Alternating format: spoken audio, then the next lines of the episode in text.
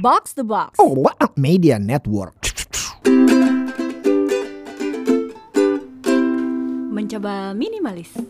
Episode ini adalah episode yang sayang banget kalau dijadiin dua part karena obrolannya seru banget. Kali ini Nabila Gasani akan cerita soal human design dan mengurangi yang gak perlu versi dia. Selamat dengerin ya. Nah teh, ini kalau ngelihat atribusi gitu kan, uh, profe keprofesian gitu. Teteh kan menjadi hipnoterapis, tapi juga disebut berprofesi sebagai human design reader. Bisa diceritain gak sih beda keduanya? Apa dan kapan seseorang perlu hipnoterapi dan kapan kita perlu kenal diri lewat human design? Oke, jadi kalau hipnoterapi itu kan adalah bentuk terapi ya. Kita melakukan intervensi secara psikis, secara mental dan emosi. Jadi kita gali ke dalam diri kita gitu, akar masalahnya apa. Nah, sedangkan human design ini salah satu tools yang membantu kita untuk bisa tahu potensi yang ada di dalam diri kita. Jadi kalau saya boleh cerita dikit, human design ini simpelnya adalah blueprint atau cetak birunya kita. Jadi ternyata setiap manusia itu punya um, rancangannya sendiri yang berbeda-beda punya peta diri sendiri-sendiri. Klien datangnya pengen tujuannya, pengen kenal diri, pengen tahu potensi gitu kan, bisa ngambil human design. Kalau misalkan aku punya trauma, aku punya luka batin, aku punya kebiasaan, ya kalau gitu ngambilnya sesi konseling dan terapi, kemudian nanti hipnoterapi itu. Jadi beda, kebutuhannya apa? Hmm, oke okay, oke. Okay. Dari sini sih udah hmm. gak kebayang maksudnya kenal akal ak akar masalah, trauma gitu. Itu hipnoterapi. Hmm, Kayak lebih familiar. Betul. Ketimbang nah ini dia nih, human hmm. design.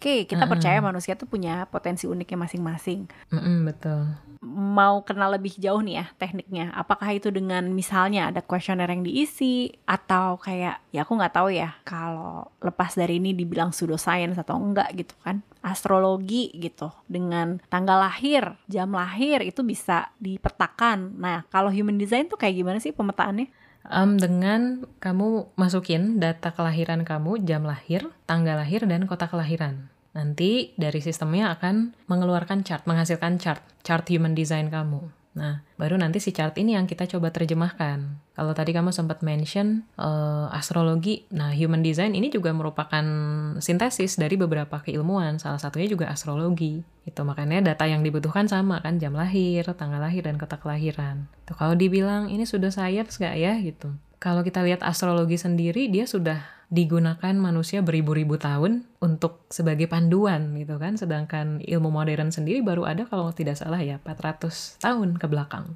Yang artinya apa? Astrologi sudah lebih tua gitu. Kalau dibilang valid atau enggak ya ketika dibacakan gitu ya human design gitu ya memang itu yang dirasakan oleh klien gitu. Oh pantasan aku kayak gini. Jadi kalau lagi reading human design tuh lebih banyak flashbacknya klien tuh kayak oh pantesan dulu gini oh gini oh make sense kenapa aku gini oh gini gitu. Jadi mereka kayak um, bisa berefleksi lah ke diri mereka. Oh ternyata ya memang gini cara kerja aku oh pantesan jadinya kayak gini. Dan akhirnya apa tujuan akhirnya ketika kamu tahu desain kamu kamu jadi lebih bisa menerima memang inilah cara kerja diriku memang ini tujuanku peran aku dan akhirnya kamu juga bisa fokus gitu untuk meningkatkan apa yang ada dalam diri kamu gitu. Bukan lagi ngelihat ke orang kok orang lain bisa gitu gitu kok aku enggak gitu. Ya karena memang tujuannya bisa jadi beda. Mesinnya beda, rancangannya beda ya otomatis gitu kan. Aku memaknainya adalah generasi sekarang gitu. Si kalau kalau apa sih kalau kita lihat statistik negara gitu kan, ini angkatan muda, angkatan produktif gitu. Jadi ya memang hmm. sih bener ya kayaknya kalau dilihat apakah yeah. generasi sekarang lebih sadar soal kesehatan mental ya kayaknya sih gitu ya kalau dari lihat apa yang dirasain sama teteh gitu. Nah ini sekarang ke tetehnya sendiri gitu. Aku nggak tahu nih soal apa confidential dengan klien. Lebih kepengen tahu sih pengalaman yang paling challenging ketika hipnoterapi itu seperti apa kalau boleh diceritain. Lalu sebagaimana biasanya dokter mah butuh dokter gitu. Jadi teteh kalau gantian rudet ini ceritanya ke siapa? gitu sih. rudet ya bahasanya. Pasti kerudetan itu akan ada. Oke, okay, jadi memang pasti namanya seorang terapis juga butuh terapis lain gitu untuk membantu menganalisa kan. Apalagi setiap hari mau nggak mau kena paparan emosi dari klien secara energi pasti ada yang residu yang nempel emosi ke klien tuh. Jadi harus sebagai terapis harus lebih rajin malah untuk uh, ngebersihin diri, harus lebih sering refreshing gitu kan malahan. karena biar fresh lagi gitu ketika sesi. Dan ya ada mentor sekarang juga. Dari dulu juga ada ada beberapa mentor. Entah itu di mentor di hipnoterapinya di human designnya atau di masalah energinya ada ada mentornya masing-masing. Gila sih. Pokoknya Ini- menarik sih kalau Iya, iya, kalau- menarik, menantang dan membuat aku pengen baca ulang sih. Maksudnya tentunya dari tadi kita udah ngomongin satu buku yang aku belum baca gitu. Jadi Mm-mm. kayak wah ini menguaknya panjang dan um, Mm-mm. temin kalau penasaran udah deh. Kalau mau bu- booking konsultasi nih nanti sama Teh Bia deh. bisa online lagi ya kan. Tapi mari Iya. kita lupakan soal uh, metode tersebut. Terima kasih udah ngenalin ke kita. Ini pasti masih ya masih permukaan banget. Jadi kalau kita mau cari tahu sendiri teman minimalis silakan ya. Eh, yang menarik dari Teh Bia ini adalah aku nggak tahu nih udah pada mulai dengerin atau belum. Bottle Smokers, gila. Bisa tiba-tiba ex Nabila Gasani keluarin single menjadi cahaya, ya kan? Mm-mm. Em, ini kan panduan meditasi ya Teh. Betul Tapi betul. dikawinkan ibaratnya dengan memang ini ya musisi gitu, beneran Mm-mm. gitu. Ba- Ajak ajak ini dong, ajak aku lebih kenal prosesnya maksudnya kenapa kok bisa gitu. Terus Mm-mm. secara proses kreatif dan juga memang proses sebagaimana terapis bikin sesi meditasi Ah, ah. bisa nyambung tuh gimana sih dunia dua dunia ini gitu. Ceritain dong. Oke, jadi awalnya tuh karena dikenalin sama sepupu gitu kan. Sepupu tuh temannya Bottle Smoker, terus one day dia datang ke acaranya Bottle Smoker yang Plantasia. Bottle Smoker kan punya album yang mana mereka bikin lagu untuk tanaman. Terus sepupu bilang gitu kayak, eh coba deh ketemu Bia gitu kan ngobrol, siapa tahu ada ide-ide baru gitu kan. Ngobrol-ngobrol-ngobrol, itu prosesnya lumayan dari 2021 Februari kita kenalan gitu by phone sampai akhirnya kita mulai projectnya itu di kalau nggak salah di Oktober tahun lalu. Awalnya kita mau bikin album, awalnya mau bikin berapa lagu sampai akhirnya kita bikin satu dulu deh gitu kan. Bikin satu dulu dan kita fokus untuk panduan meditasi ini. Akhirnya ya dari Oktober rilis di Mei kemarin pas di hari meditasi. Tuh. Udah dengar lagunya? Denger. Udah dicoba belum? Udah Eh, dicoba, dicoba meditasi tapi belum? mungkin nggak kurang pas kali ya maksudku ad- ada cara atau setup tertentu nggak sih untuk menikmati ini secara apa ya Mm-mm. optimal aja gitu karena kan Mm-mm, biasanya mm-mm. kalau kita dengerin single pada umumnya ya udah mah sambil depan laptop gitu kan ya Iya. tapi mungkin itu bukan setting yang tepat jadi eh, harapannya Betul. ini biar optimal kayak gimana sih teh kalau mau menikmati menjadi cahaya Jadi menjadi cahaya ini kan dia sebenarnya kita nyebutnya music healing experience gitu kan. Kita pengen ngasih pengalaman menikmati musik yang berbeda. Yang mana si musik ini bisa membantu kita untuk pulih. Ketika mendengarkan ini memang cara yang paling baik adalah eh, posisi kamunya nyaman, entah itu tiduran atau misalkan duduk kayak sedang apa bermeditasi, kemudian pakai headphone. Karena kalau pakai headphone, pakai earphone itu suaranya lebih terdengar. Jadi benar-benar di setup kamu sendirian, memang pengen fokus ke dalam diri. Terus ya udah dinikmatin aja, diikuti. Memang lumayan lama ya dia kayak eh, 16 menit kan prosesnya dan bukan kayak lagu hmm, bisa didengerin lagi nyetir. Jangan mendengarkan menjadi cahaya ketika lagi menyetir. Jangan. Nanti ngantuk. benar benar terus jangan ini kayak kalau- dulu bercandanya mana kok liriknya nggak ada intro terus gitu Iya, jadi eh, kenapa itu intronya sekitar satu menit ya? Karena kalau nggak tahu bisa kedengeran atau enggak ya, memang pemilihan dari instrumen musiknya pun kita menghitung frekuensinya, frekuensi yang memang untuk relaksasi. Ada frekuensinya kita pilih di backgroundnya tuh memang ada vibrasi yang bikin kita jadi relax. Nah, kenapa intronya lama? Karena untuk ngebantu gelombang otaknya untuk relaksasi dulu, untuk turun dulu. Baru narasinya muncul. Karena kalau tiba-tiba saya ngasih, "Eh, halo pejamkan mata gitu kan, lihat ke dalam ya, ada kayak, apa sih gitu kan.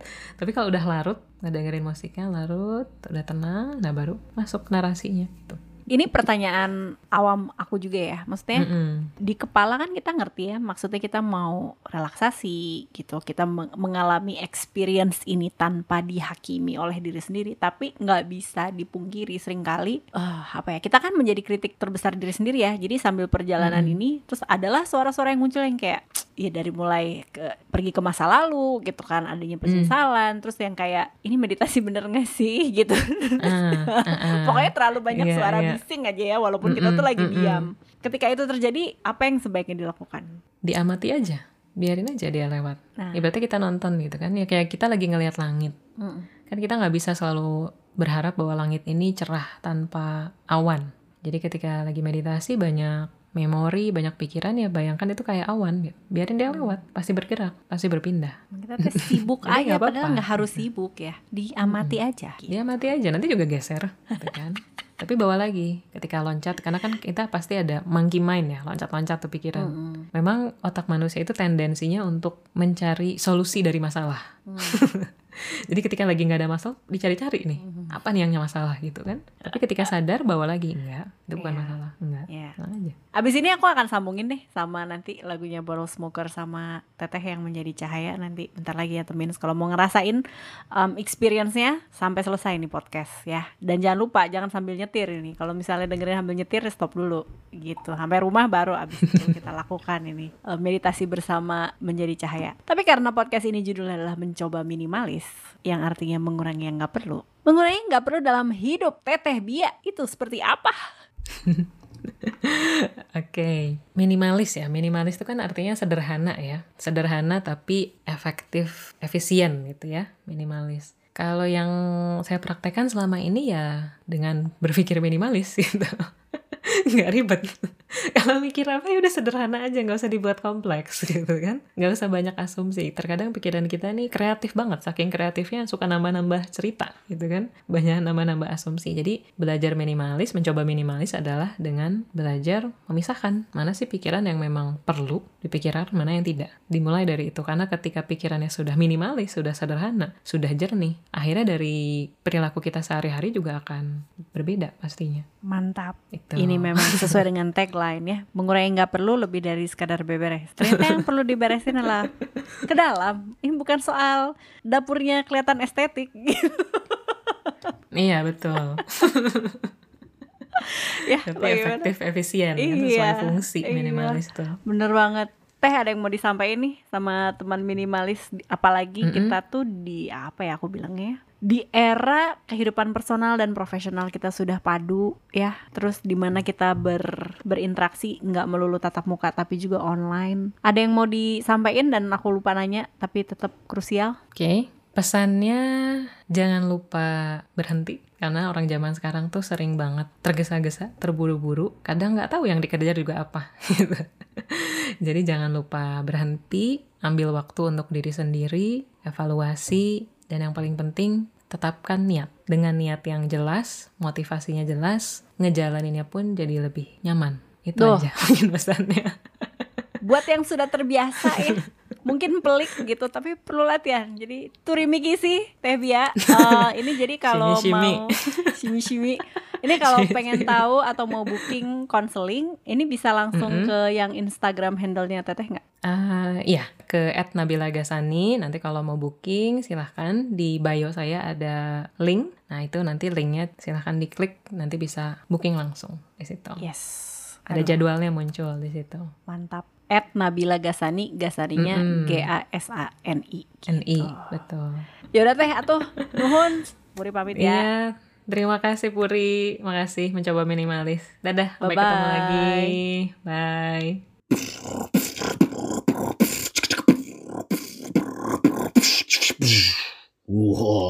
Jadi gimana nih temens? Siap eksplor diri dengan metode human design atau semakin berani untuk coba hipnoterapi? Apa pun keputusan lo, semoga lebih waras ya dan lebih tenang buat ngejalanin hidup. Nah, supaya gue sama Puri bisa terus kasih episode-episode yang keren nih, yuk support kami ya dengan kasih review bintang 5 di Spotify lewat HP lo. Atau follow Instagramnya at mencoba minimalis. Sampai ketemu di episode berikutnya ya. Apa caps? Dah. Mencoba minimalis